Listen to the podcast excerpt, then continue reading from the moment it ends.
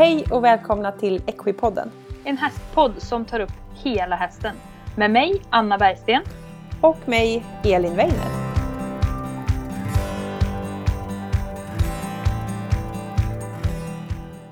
Hej allihopa och välkomna till eh, veckans avsnitt av Equipodden. Solen skiner, det är vår och det är varmt. Underbart, eller hur Anna? Ja, det är ljuvligt. Jag har uh, sluppit tre par byxor den här helgen när jag har jobbat och det, bara det känns jätteskönt. Ja, och man har varit ute i paddocken och tömkört jättemycket. Så sol, lite dammigt men annars är det jätteskönt. Man har en, en brun mustasch när man är färdig. Ja, och mina fötter ja. vet du när man kommer hem är helt kolsvarta fötter. Det går in i jag har ett par gympaskor typ och sådär. Men det är underbart. Ja, det är jätteskönt. Det är underbart. Det nu är ju egentligen den bästa tiden att ha häst om du frågar mig. För att det är inga kryp. Mm. Eh, det är lagom varmt. Mm. Eller lagom varmt. Jag tycker om när det är jättevarmt men det gillar inte hästarna. Nej, jag gillar inte när det är jättevarmt. Nej. och jag gillar när det är så här ljust och det torkar upp i hagarna. Och det när träden börjar slå ut och det är så ljusgrönt och skirt. Det älskar jag. Ja, det finns bara ett litet, litet, litet minus. Alltså? Ja, jag tycker synd om alla pollenallergiker faktiskt. Ja, um, den är ju faktiskt För det kan tung. inte vara enkelt nu. Jag har ingen pollenallergi. Men um, när jag var färdig igår så såg det ut som att jag hade varit vaken i 50 timmar för jag var jätteröd i ögonen. Jag tänkte att men gud vad är det här? Ja. Men då förstod jag att det kan vara en liten, en liten känning av pollen och då är jag inte allergisk. Men de hade ju sagt att det skulle bli ett jättehemskt pollenår. Ja, jag har också nu. hört det. Och ja. det är ju faktiskt så om man tittar på själva pollenkornet så är det väl, det ser ut typ som en eh, golfboll fast med taggar. Så de är mm. väldigt elaka. Så även om man inte är allergisk så kan man fortfarande bli lite irriterad just för att de är, det är taggar alltså. Ja. Ni får googla ja, ja. mikroskopbilder på pollen så får ni se hur de ser ut för de ser ganska brutala ut. Ja. Nej, jag förstår. Jag tycker synd om alla som, som har pollenallergi. Jag förstår att det är inte lätt nu alltså. Nej, så är det ju. Mm. Det Men vi ska inte prata pollenallergi. Vi ska, det här avsnittet ska ju vi prata om vad ska vi prata om? Ja, vi ska väl prata lite om eh, samma häst olika grenar. Eller vad man kan, alltså man kan göra så otroligt mycket med, eh, med djuret häst. Eller hur? Absolut. Och eh, vi kan ju dra lite bakgrund till det här. Då. Ja, du får berätta om din, vad du gjorde i fredags. Ja, det är ju så här att jag tar ju emot rehabiliteringshästar. Mm. Och med en rehabiliteringshäst kan man ju säga att man kanske har en skada. Man kanske har en problematik eh, och man kanske inte har kunskapen eller tiden till att fixa till det själv. Eh, jag har en rehabhäst hemma som är en liten travare. Mm. Och eh, jättefin häst och fint stammad så att hade han bara travat så hade det varit inga problem. Mm. Men nu var det så här att han höll bara på att galoppera. Mm. Och de fick, det, det, liksom, det blev inte bättre. Och så var det en av eh, andelsägarna till den här hästen som sa att nej men han får åka till dig. Mm. Ja, okej. Okay. Och då gjorde han det. Och när jag fick honom, alltså han är inte stor. Vad kan mm. han vara? En och... Ja, vad kan han vara? En och 52 kanske? Jaha, så, ja. så liten alltså? Ja, han är en riktig liten räka. Han heter Ville. Oh. Mm. Eh, fantastiskt trevlig häst och väldigt lättjobbad. Och när han kom till mig, han kom till mig dagen innan nyårsafton 2018. Så han har ju varit mm. hos mig i tre månader ungefär. Mm. Lite mer. Då var han inte eh, igång. Eller han var liksom inte, de hade bara ställt av honom. Och för, mm. för alltså, jag förstår, det gör man. Mm. När man inte, när de men inte gör som de ska. Men det går man. liksom inte, eller hur? Nej men precis, de fick inte riktigt bukt med det här. Och mm. eh, när han kom till mig så var han ganska osymmetrisk. Mm. Och det tror jag är väldigt, väldigt vanligt i det tror jag är vanligt i alla sporter, mm. i alla genrer när det gäller hästar. För man tränar på ett visst sätt. Precis. Och eh, jag började ridträna honom. Mm. Det tog tio minuter att rida in honom. Bekvämt för sådana hästar. ja, jag hängde lite och sen så, så klappade jag lite och så satte jag upp och sa så, så, så var det bra. Och dagen ja. efter så red vi ut. Ja. Um, ja, det älskar jag med travarna. Mm. Att de är så okomplicerade. Ja. För det mesta ska jag tillägga. Ja. Det tycker jag också. Jag har också mycket så kunder med kanske ridtravare då. Och det är Ja. aldrig några problem. Man sätter på grejerna och de bara jajamän nu gör vi det här. Ja, det, det, Jag älskar inställningen Ja. alltså. Här, Mm. härlig ras. Ja, verkligen. Så att nej, så vi, jag har ridtränat och när han kom till mig så mätte jag hans muskulatur för att se vart är det mycket, vart är det lite. Eh, jag gjorde ju en mönstring av hela hästen. Mm. Eh, sen har han, han har ridtränats. Han har fått massage och han har fått laser när det har behövts. Mm. Men han har ju alltså masserats en gång i veckan, ibland två. Mm. Nu är han symmetrisk. Han är jämn, han har en jämn tonus och han galopperar inte. Ja, superhäftigt. Eh, han har fått en helt annan mental inställning. Mm. Han är så glad hela tiden. Han Mm. är alltid positiv till allting. Inget är jobbigt, samarbetsvillig, supertrevlig. Mm. Så i fredags så sprang han sitt kvallopp. Mhm. Och han gjorde det med bravur. Han Ja. var superfin. Så nu är han kvalad och ska starta här i slutet av april. Spännande. Ja, verkligen. Och vi har pratat lite med hästägaren och, och, och tränare lite sådär inför det här i fredags då. För det här Mm. var på Axvalla i Skara. Mm. Så det är ju nära, nära dig. Mm, det är nära mig. Mm. Och eh, tränaren åkte upp ifrån Halmstad och, Mm. och eh, körde honom. Eh, och då var det lite så här, vem ska värma hästen? Mm. Ja, Alltså värma Den- upp då. Ja precis inför loppet. Mm. Och den pucken fick jag. och då sa han så här, Anna du ska, trä- du ska rida honom. Ja, nej nej okej. Och så Alltså jag är ju ridhästmänniska. Mm. Eh, och få komma in i travet på det här sättet som inte innefattar liksom spela med pengar eller sådär utan med intresse för travhästen och Mm. träningen och allt vad det innebär. Det Mm. har jag tyckt varit så roligt. Mm. Jag har fått helt andra ögon inför travsporten och jag vill bara säga igen, inte det här med att spela med pengar, det är inte det jag pratar om. Mm. Utan jag pratar om travhästen. Mm. Arbetet som den gör. Precis, Mm. precis. Och arbetet som ligger bakom. Ehm, och det har jag, jag har fått helt nya ögon. Jag tycker det är så roligt. Mm. Att få utvecklas tillsammans med en häst som har gått ifrån att inte trava så bra till att vara som ett skott. Häftigt. Ja, och jag har under de månaderna som jag har haft honom, jag har inte lyckats få upp honom i galopp. Jag har verkligen, och jag har verkligen försökt. Jaså? Prov, Ja. Försöker provocera då? Eller att Ja, precis. du vill galoppträna honom? Eh, Ja, det är både och. Men jag, Mm. jag, jag, det gick inte, det gick bara fort. Det är ju i och för sig bra. ja. Nej, så i fredags där så slängde jag på sadel och så kortade jag upp stigläderna. Och det här är en vanlig hoppsadel ska jag säga. Mm. Och så ut på uppvärmningsslingan. Och det gick ett halvt varv och sen var jag helt slut. Alltså jag var så trött. Ja. Jag var helt slut. Och han var ju jätteglad och joggade på. Han var ju inte ens ljummen. Ja. Så fyra varv där och sen så ut på eh, en annan bana och så skulle jag liksom jaga upp honom lite då, köra, köra ur honom lite. Mm. Alltså jag var helt slut. när, när vi kom tillbaka till stallarna så, så han var ju jätteglad. ja. Och de sa till mig du, du, du ser lite trött ut. ja, du, du borde prova det sa jag bara. Men blev du Eh, trött liksom? Var det att du liksom obekväm stil? Att du stod upp? Eller Alltså att muskulärt. Det var, att det blev Muskulärt. så... Alltså Åh, traven är ju ganska... Alltså den är taktfast på sitt sätt. Men om man Ja, jämför med galopp så är det liksom en väldigt rytm i galoppen. Och traven är ju inte riktigt samma rytm. Det blir väldigt mycket stötar. Eller vad känner du? Att man mycket Ja, varierar alltså- med musklerna? jag hade ju en vanlig sadel. Ja.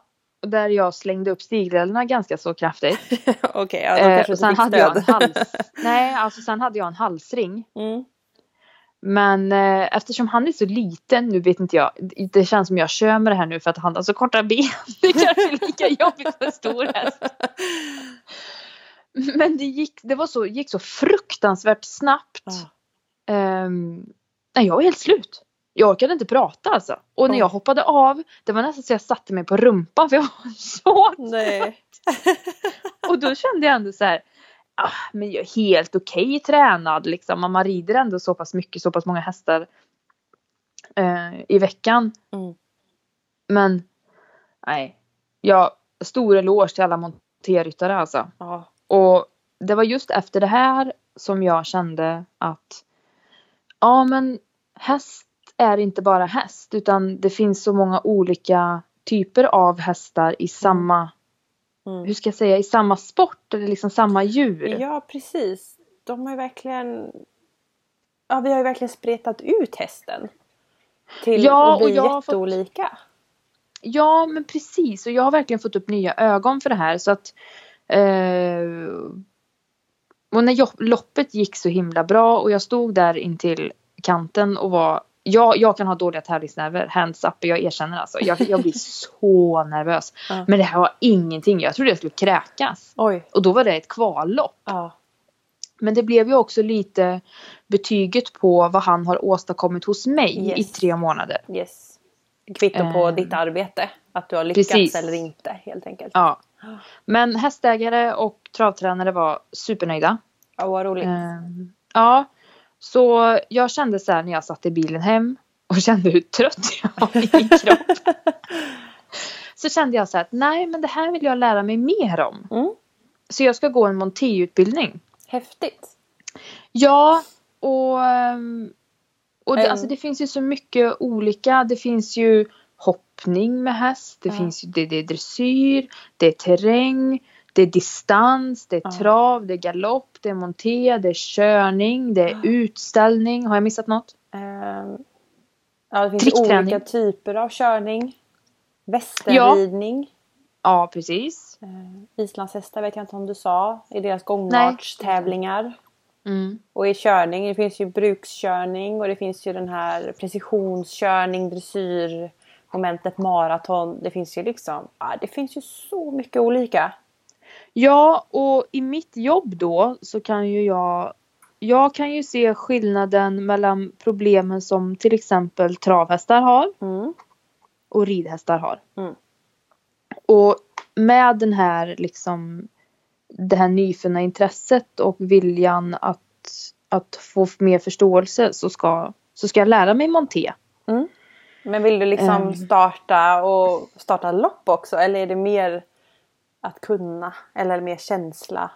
Alltså just nu så är det mer kunna och känsla men skulle jag tycka att det var roligt så absolut, det är Mm. klart. För jag tror att en, en, en ökad kunskap gör det gör ju mig bredare i min förståelse i mitt jobb. Mm, verkligen.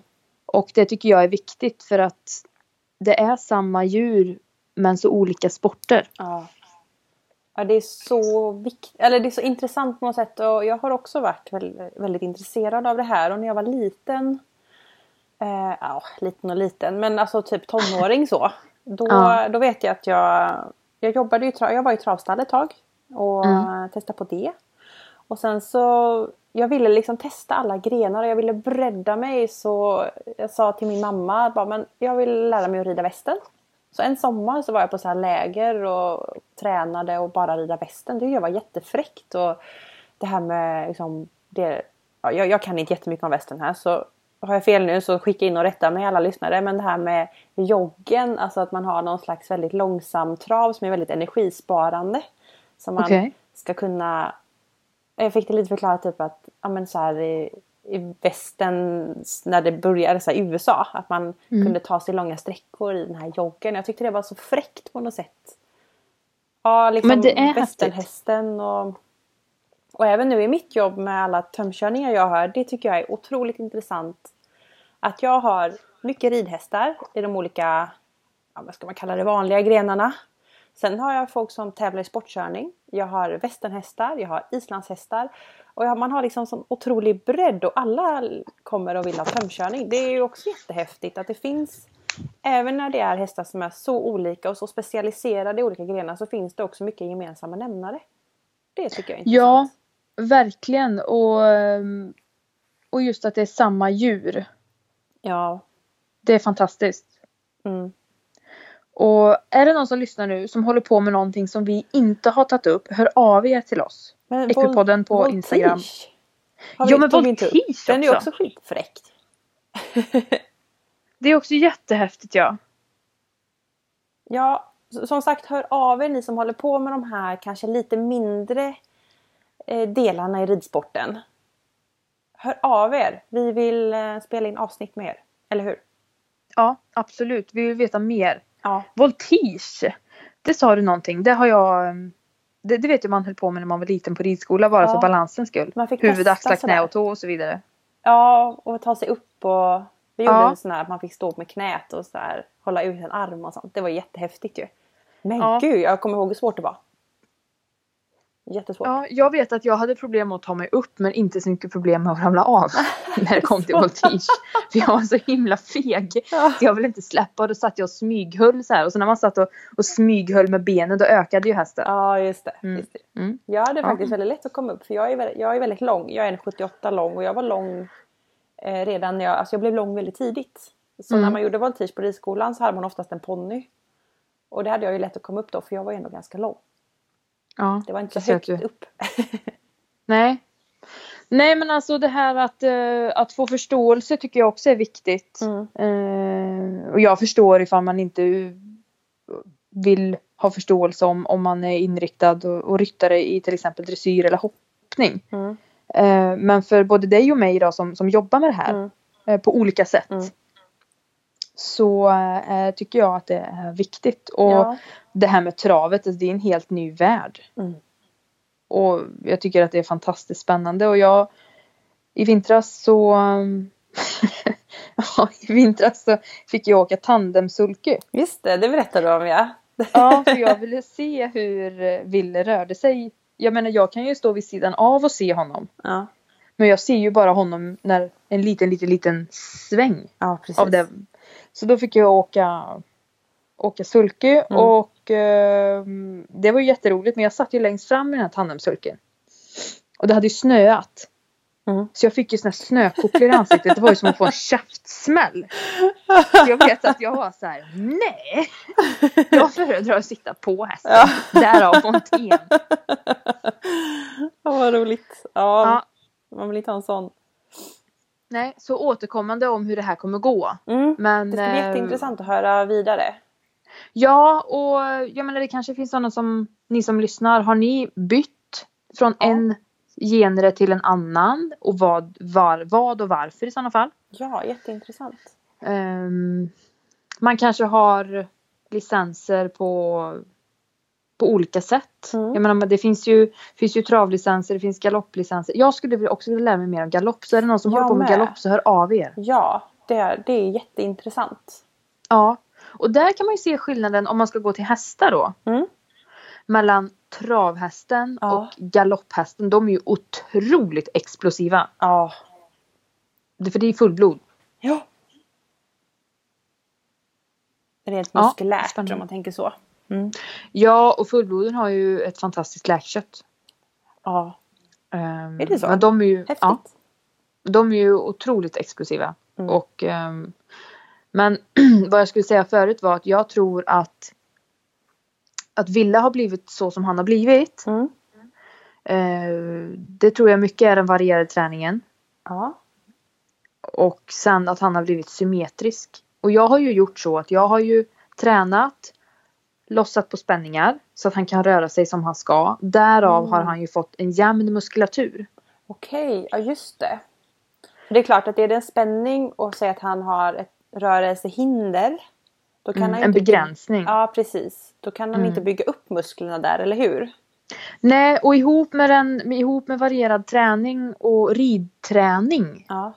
ehm, så tror jag, jag har klättrat mycket med honom också. Mm. Så, ehm, så tror jag ändå att jag hoppas att det är det som har gjort att han faktiskt travar nu och är så pass fin som han är. Jag skulle vilja stanna upp här vid, vid varierad träning. Det känns ju Mm. väldigt, väldigt viktigt. Och Absolut. jag kom på, vi, har inte, vi tog inte upp akademisk ridkonst. Eh, Nej. Och det här working equestrian, heter det så? Du, jag frågar mig inte vad är det? Det är, ju, det är, är det någon spanskaktig sport tror jag. Där man gör en bana med, man öppnar grindar och Jaha. rid, slalom och runt grejer. Det är skitfräckt. Jag vet en till sak. Ja, Gymkana. Just det! Det ser man ju på Hårsöv oftast. Ja, jag har bara kommit i kontakt med gymkana på typ sådana här avslutningar för ridskolan. Man ska Ja. doppa ansiktet. Det är det är väldigt ovärdigt. Men, men jag, jag skulle vilja lära mig mer om den riktiga gymkanan. Ja men eller hur! Jätteintressant. Och jag tror liksom att den här bredden. Jag tänker ta ett eh, människoexempel här och jag tänker ta ett exempel på mig själv. Mm. Jag har eh, tränat väldigt hög nivå i simning.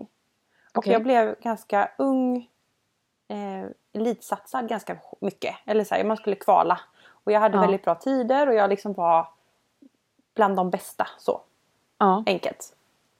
Men jag tyckte inte det var roligt att ligga i en bassäng sju, åtta pass i veckan fram och tillbaka.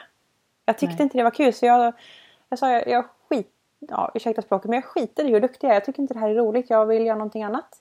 Och då råkade jag komma i kontakt med en sport som heter modern femkamp. Okej. Ridning har jag alltid hållit på med vid sidan av simningen för den har ju liksom varit där brunnit i hjärtat på något sätt. Så. Mm. Eh, Och modern femkamp det är simning, ridning, fäktning, skytte och löpning. Alltså jag har aldrig hört talas om. Nej, den är jätteliten sport och den härstammar från den militära, militära sporter.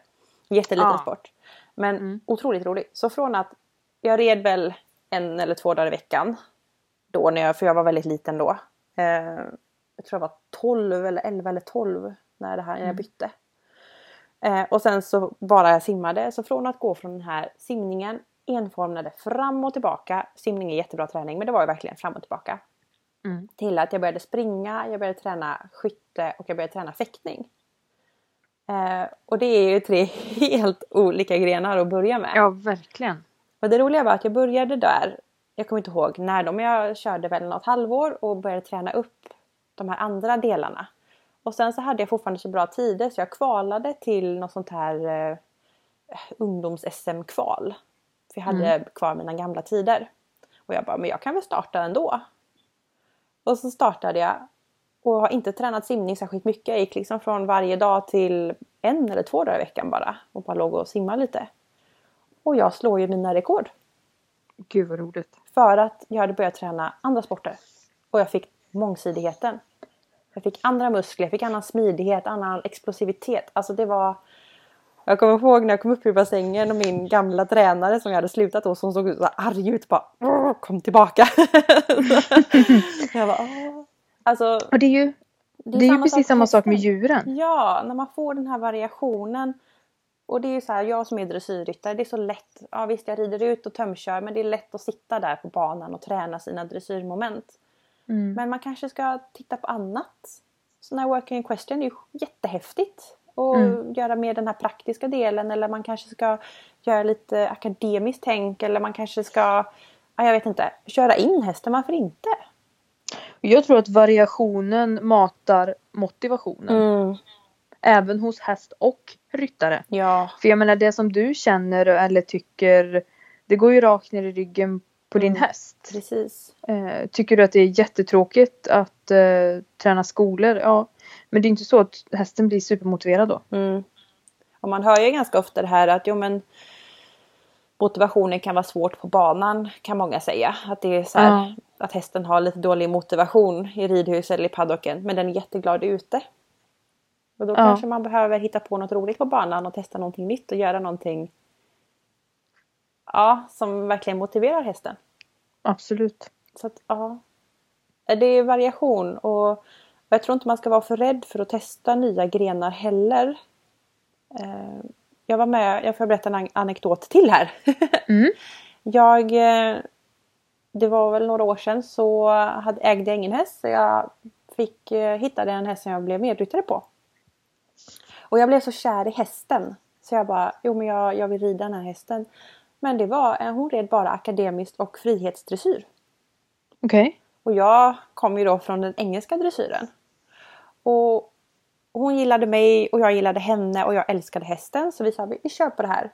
Och eh, då i början då så hjälpte hon mig så att hon, jag red lite för henne och hon hjälpte mig att hitta lite knappar och vi diskuterade mycket. Mm. Jag diskuterade utifrån vad jag önskade uppnå och hon diskuterade vad hon önskade uppnå. Och vet du vad vi insåg? Nej. Vi ville uppnå exakt samma sak. Fast på olika sätt. Fast vägen dit var lite olika. Mm. Så jag red lite granna och sa liksom, men jag testade så här och så här och hon bara, men gör det. Och det funkade. Och sen så sa hon, testa det här och det här och så testade jag det. Och det funkar också och det var, det var en sån här wow. Man, det finns så många vägar fram.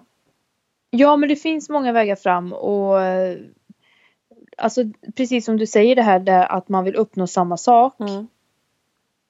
Men det finns så många olika sätt att göra Mm. det. Precis.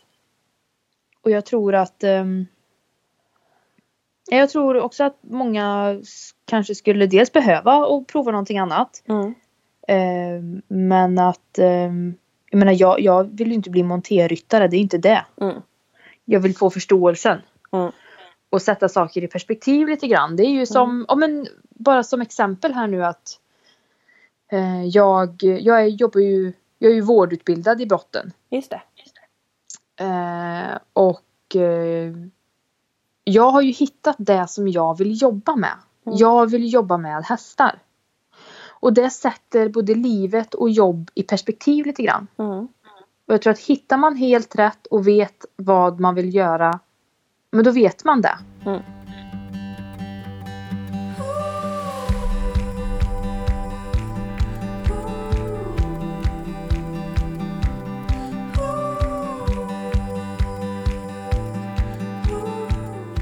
Ja, men för att samla upp oss lite nu då. Vi, det här är ju ett sånt här freebase avsnitt och vi gillar att göra sådana också. Men vi ska vara lite mer konkreta. Så att, Anna, kan inte du berätta lite om, om Ville lite mer? Vad som hände med honom? För han var med i ett litet trauma, eller hur? Ja, precis. Han var med i ett trauma. Han krockade med en, sin kompis i hagen. Mm. Han var ganska ung, Eh. eller? Vad sa du? Han var ganska ung va? Ja, han var ju, han är 60 år. Han är gammal för att vara travhäst. Mm. Men eh, ja, han var inte så gammal. Jag tror att han var tre eller någonting när det här hände. Mm. Och eh, de krockade. Mm. För de blev rädda så de sprang rakt in i varandra. Jag har Oj. aldrig hört talas om det innan. Men gud. Det var, de blev rädda för bevattningen. Jaha. Ja, på, på en travbana. Men. Och då gick i hagen precis intill det. Ja. Så att de blev rädda för den, krockar och då misstänkte man att Ville hade sprickor på halskoter. ja just det. För de Ja. sprang in i varandra helt enkelt. Ja, Ja. frontalkrock kan man säga. Ja. Mm. Men det hade han inte då som tur var. Men jag har fått se lite bilder och sådär om hur han såg ut och han var rätt så tilltufsad. Nej men usch. Mm. Och det är ganska många hundra kilo som springer rakt in i varandra. Eh, ja. Ehm, så Hur gick det för den andra hästen då? Vet du det? Nej, jag vet faktiskt inte det. Nej. Jag kommer inte ihåg. Jag har fått höra det men jag kommer inte ihåg. Nej, intressant. Ja. Ja. Så de trodde ju liksom inte att han skulle kunna trava. Mm. Eller att han skulle kunna starta. Vad gjorde Men- de då? Fick han vila och... Ja, han fick vila och sen sattes han igång. Mm. Mm. För det var inga- inga sprickor. Nej, det var liksom inget fysiskt Nej. fel eller så. Vad man kunde Nej, se. precis. Han fick inga skador så på det sättet. Ja. Nej. Eh, men, eh, och det är ju helt otroligt. Jag tänkte ju det när jag, när jag började med honom att han, och jag fick höra den här historien att han kanske skulle vara mötesskygg men ingenting. Inget sånt. Ja. Så att det var väl bra då att de kanske inte var så gamla. Mm. Och att det gick väldigt, väldigt fort så de hann nästan inte förstå vad som hände. Nej, de blev kanske lite blockade i den här rädslan Ja. och så Precis. glömma bort kanske. Ja, precis. Så att, eh, nej, och det är ju inte bara, jag pratade lite förut i början här om vilken träning han har fått. Mm. Och vilken behandling han har fått. Mm. Och ehm, det handlar ju inte bara om det utan det handlar ju också om helheten som häst. Foder, stallmiljö. Ja. Vänta lite, jag måste nyss. Ursäkta mig! Där kommer pollen igen. Ja. Nej men lite om vilken, vilken stallmiljö han har. Alltså jag ska ju säga att när jag fick honom, Mm. när han kom hem till mig, till mitt stall. De första två veckorna, han var superjobbig. Han rymde och rymde och rymde. Han Nej. klättrade igenom staketen. Han öppnade sin boxdörr, jag vet inte hur han lyckades. Utan att skada sina tänder. Alltså det, här, det, det, det är ganska mycket humor i den här hästen. Ja. Mm. Eh, men då var jag riktigt less på honom. Faktiskt. För Mm. han bara drog. Ja. Och eh, jag stod och tittade på honom för jag spärrade av, jag har ju två ston. Mm. Så jag spärrade av hagen så att de fick gå in till varann. Mm. Och så att de faktiskt kunde no- man brukar göra så att man inte kan nosa på varandra men jag ville ändå att han skulle knyta an till dem. Ja, nej så att eh, jag stod där och tittade. Och så vände jag ryggen till och så skulle jag bara hämta vattenhinkar. Mm. Ja, men då stod ju han inne hos dem. Staketet var intakt. Hästen var intakt och jag bara, men hur är det här möjligt? Hur är det möjligt? Han tänkte så här, nu vänder hon ryggen till, nu Ja. kör jag. Vem kan krypa igenom? Jag förstår om man är 50 centimeter. Ja, Men nu är han inte det. nej. Nej, så jag och han sprang där och kvastade och var superglad. Ja. Eh, så jag fick tag på honom efter många om och men. In i hans hage igen. Och sen tänkte jag så här, nu ska jag stå och titta vad du gör. Mm. Och han kryper under. Mm. Han kryper under understa tråden. Jag har också sett en häst göra det. Alltså jag fattar inte hur den ryggen kunde bli ett sånt U som det blev. Nej, nej, han blev platt som en mus. Ja, jag Alltså. fattar inte. alltså vissa hästar alltså, de har lite för mycket hjärnkapacitet. Ja, verkligen. Så att jag, och jag tänkte så här, shit, den- han är smart alltså. Mm. Eh, Så efter två veckor så kände jag att nej, du får gå ihop med mina ston. Mm. Och han var ju jättenöjd. Mm. Och efter några veckor så kände man så här hur han började knyta an till mig också. Att han, han hade en trygghet på ett annat sätt. Ja. Han gick ifrån lite skruvad, lite, han kunde vara brötig. ja. Och lite Eh, det- okänslig så typ. Ja, verkligen obrydd. Ja. till att bli en hundvalp.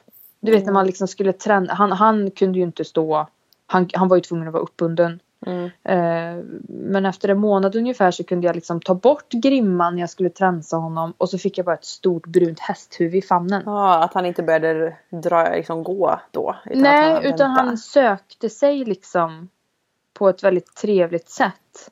Mm. Ehm, och då blev det också, då började bitarna falla på plats i träningen. Mm. Vi kunde prata med varann. Mm. Eh, han var jättekinkig med foder i början men sen så, så släppte det mer och mer. Jag hittade formerna för att okej, den här tiden på dygnet funkar. Den här typen av fodret funkar. Mm. Ehm, jag såg lite vad han liksom behövde lite hjälp med. Och eh, det är ju hästen, individen som en helhet. Mm. Det kvittar om du tränar jättebra och du har dåligt foder. Verkligen. Så jag vill verkligen trycka på helheten. Han hade kompisar. Mm. Eh, han... Nej men han mådde bra. Ja. Han, han, han fann sig och han knöt an till mig. Mm. Eh, så det är häftigt det här att få en häst till att vara skruvad och stressad och lite... Han kunde vara... Han var hyssig. Ja. Mm. Han var en riktig liten räka och han hittade på hyss. Mm. Mm. Men eh, blev helt fantastisk. Efter liksom en och en halv månad så bara kände jag att pusselbitarna började falla på plats. Han funkade jättebra ihop med mina ston. Och han blev mycket lättare att jobba med. ja. Det är många delar alltså. Ja men det är det. Det är inte bara träningen och det är inte bara fodret och det är inte bara den som sitter på eller sitter efter eller vad man nu än gör Mm. med hästen utan det är he- helheten. Individualismen i hästen och Mm. att man anpassar för det är inte bara en häst punkt Mm. utan han är ju en individ. Jag tyckte det var intressant det du sa att vilka tider funkar och ge vilken mat och sånt. Och jag vet att det kan vara så svårt när man står inackorderad för då är det de tiderna punkt. Så. Mm. Mm. Men vad intressant ändå. Och... Ja, att, att en sån sak också kan medverka till att hästen mår bra och är glad och, och tycker att livet är roligt liksom. Eller inte. Ja. Eller kanske inte. Jag tror inte den blir deprimerad om den får fel tid vad den tycker. Men Nej. Men den- han åt ju väldigt, väldigt små. dåligt. Ja, men det är må- många bäckar små. Han åt ju väldigt, väldigt dåligt på morgonen. Mm. Väldigt dåligt på morgonen.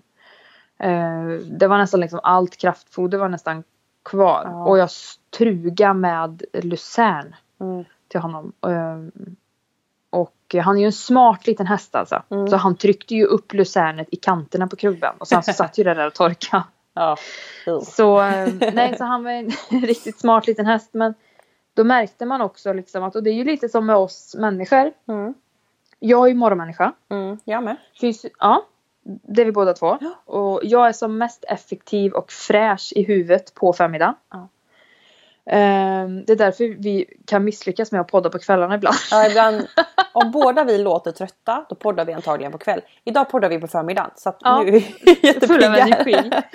Eh, nej, och det, är lite, och det är precis samma sak med hästarna. Så tänk på det Mm. när ni tränar. För det kan Mm. ju vara så att ena dagen kanske du tränar på morgonen. Mm. Andra dagen kanske det är på eftermiddagen. Mm. Och fundera lite över när ni sitter på era hästar.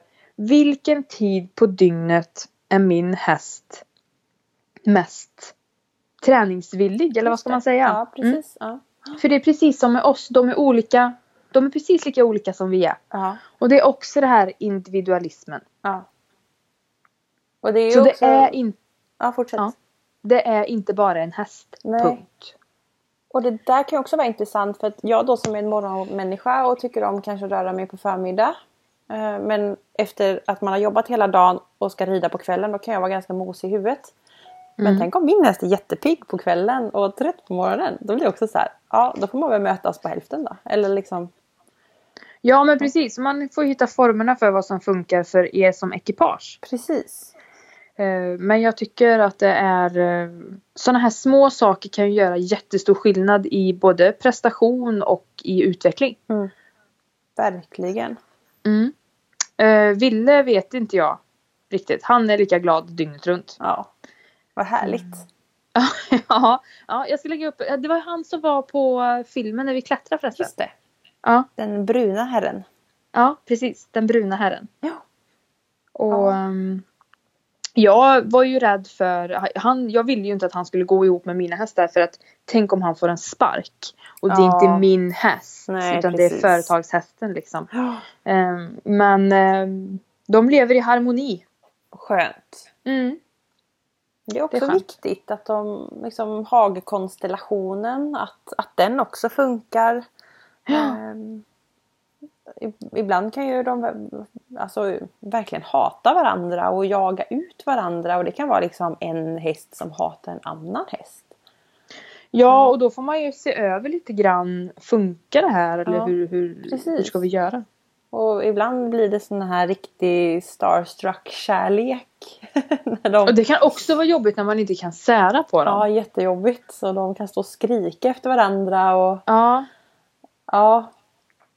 Så att det kan verkligen gå åt alla håll det där. Ja. Och det är inte bra med för mycket kärlek heller. Även om man tycker att det är gulligt att de äter från samma hög och går bredvid varandra hela tiden så kan det bli jobbigt också.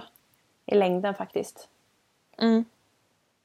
Ja, verkligen. Viktigt att tänka på. Ja, vad intressant. Men Ja. jag får fråga dig då, om du får en rehabhäst hem till dig. Vad, vad börjar du med? Hur gör du då? Hur tänker du? Jag börjar alltid med att mönstra hästen. Och vad innebär det? Eh, jag tittar hur den rör sig. Mm. Och ehm, Att, den, jag att går du all- låter någon springa med den då? Eller så? ja, precis. Jag böjer igenom och så låter jag den. Jag, jag vill se den i rörelse. Mm. Och det beror ju lite på vad hästen kommer för. Mm. Och sen så kollar jag muskulatur och rörlighet, symmetri. Lite bakgrund, vad har hästen varit med om? Vad är, vad är problemet egentligen? Mm. Och sen så, så brukar jag försöka lära känna hästen. Inte, inte pang på och bara liksom starta utan jag måste ju jag måste känna in hästen. Jag måste lära känna hästen. Mm. Mm. För att veta vad har jag att jobba med. Och det Mm. pratade vi lite om i förra avsnittet, vi pratade om den här checklistan. Att vi sa att det kan nästan ta ett år innan man verkligen känner hästen för man behöver gå igenom alla årstider. Mm. Och det är jättesvårt när man får en häst som du då på rehab som du ändå får betalt för och att du ska hjälpa i en viss period. Då har man inte riktigt tid eh, att lägga ett helt år på att lära känna en häst. Men det är väldigt skönt att höra att du ändå lägger tid på att vara ödmjuk och lära känna hästen. Ja, man måste det. För att jag menar, jag vill ju att hästen ska jobba med mig. Vi ska ju inte jobba emot varandra. Vi, Mm. Man vill ju ha en utveckling. Mm. Ehm, och eh, då är det viktigt att ha förståelse. Och samtidigt så skapa en respekt. Ville var, hade ju ingen respekt för mig de första två veckorna. Mm. Nu är han ju som en liten hundvalp. Mm. Och se den här utvecklingen. Det är också en väldig eh, motivationsmatare. Mm. Och man lyckas inte alltid men ehm, man får göra sitt bästa. Ja. Och jag kan ju inte jobba med en häst som inte litar på mig. Mm. Och sen så lär man känna hästen mycket när man, när man är så fysisk med den. Mm. När de får så mycket beröring som de får. För som sagt, han får ju massage ibland två gånger i veckan. Ja. Beroende på vad han gör och... och så att, och då kan man också känna i träningen, i utvecklingen så ser man också vart tar det vägen? Vilket håll Mm. spretar det åt? Vart måste jag fånga upp? Mm. Vart måste jag lägga ner kraven? Vart kan jag höja upp kraven? Mm. Lite vart, vart tar det vägen någonstans? Precis, vad kan du göra för att hjälpa till? Mm, precis. Och med Ville då till exempel så var ju nummer ett var att göra honom symmetrisk. Mm. Till exempel. Mm. Så Ja. det gör jag alltid. Ja, intressant. Mm. Ja, det, det är viktigt och det är såklart det är svårt om man är hästägare och liksom skicka iväg skicka iväg sin häst till ens lilla älskling. Så. Absolut, det är ju liksom bland det finaste man har. Mm. Och ehm, det är viktigt. Det är viktigt också att man är delaktig. En av delägarna i Ville är ju väldigt delaktig. Han Ja. kör ju. Han kör ju i snitt två dagar i veckan. Ja. Men då gör jag ju så att då rider jag ju alltid med. Precis. På en av Ni- mina. Mm. Ni gör det lite tillsammans också. Eller han, ni känner ju varandra kan man ju lägga till då sen innan också. Ja, vi känner varandra. Mm. Och eh, då kan jag också se då kan jag se liksom hur, hur beter sig hästen, hur rör sig hästen, Mm. vilken känsla får den som kör eller rider. Mm. Ehm, hur är dagsformen lite grann just idag? Mm. Jätteintressant. Mm. Härligt, men är det något mer vi skulle prata om idag? Eller är det dags att runda av kanske? Nej men jag tror att det är eh, Jag tror vi har fått med en hel del. Ja, vad kul! Är det något som ni undrar så hör av er till oss på Facebook, Instagram, Equipodden. Yes! Och man får jättegärna, som vi har sagt här nu då. Du, jag kom på en gren vi inte har tagit upp. Vadå? Det finns ju sådana här turnerspel och sånt också. Ja det finns det ju. Håller ni på med sådana här eh, kanske lite mindre grenar inom hästsporten? Skriv till oss om ni vill vara med. Vi vill jättegärna göra lite intervjuer och lära oss mer av olika delar av hästsporten. Som vi inte kan. Som inte vi kan så mycket. Och Mm. även, även vanliga delar också. Man får jättegärna höra av sig. Absolut. Eh, jätte, jättegärna på, som vi sa precis då, Instagram, Facebook, Equipodden. Yes. Ja, och de kommande avsnitten ska vi avslöja lite. Ja, vi kommer prata lite om hästföretagande, att Yes. jobba med hästar. Hur och var och varför Mm. och allt så här. Att driva företag. Precis, vara egenföretagare inom häst. Precis. Sen ska vi också Eh, prata om uppvärmning. Mm, hur värmer man upp sin häst på bästa sätt? Mm. Vad ska man tänka på? Vad ska man absolut tänka på? Mm. Mm. Och sen så kommer vi också prata lite om terapeuter inom hästvärlden. Ja. Alltså lite en terapeutdjungel kan man säga. Vem gör vad? Vilken utbildning? Vilka olika typer finns det? Mm. Eh, lite sådana saker. Vi ska prata ganska generellt avsnitt. Ja. Så. Mm. Eh, Men det finns så mycket. Man hör olika. Och eh, som du, equifysioterapeut, man kan vara equipat, man kan vara hästmassör, laserterapeut, eh, Man kan vara kiropraktor. kiropraktor. Det finns jättemycket. Mm. Och sånt är intressant. Ja. Så det ska vi försöka prata lite om. Har ni några frågor om något av det här, skicka in. Vi håller också på att samla frågor till ett frågeavsnitt. Så skicka in frågor jättegärna. Mm.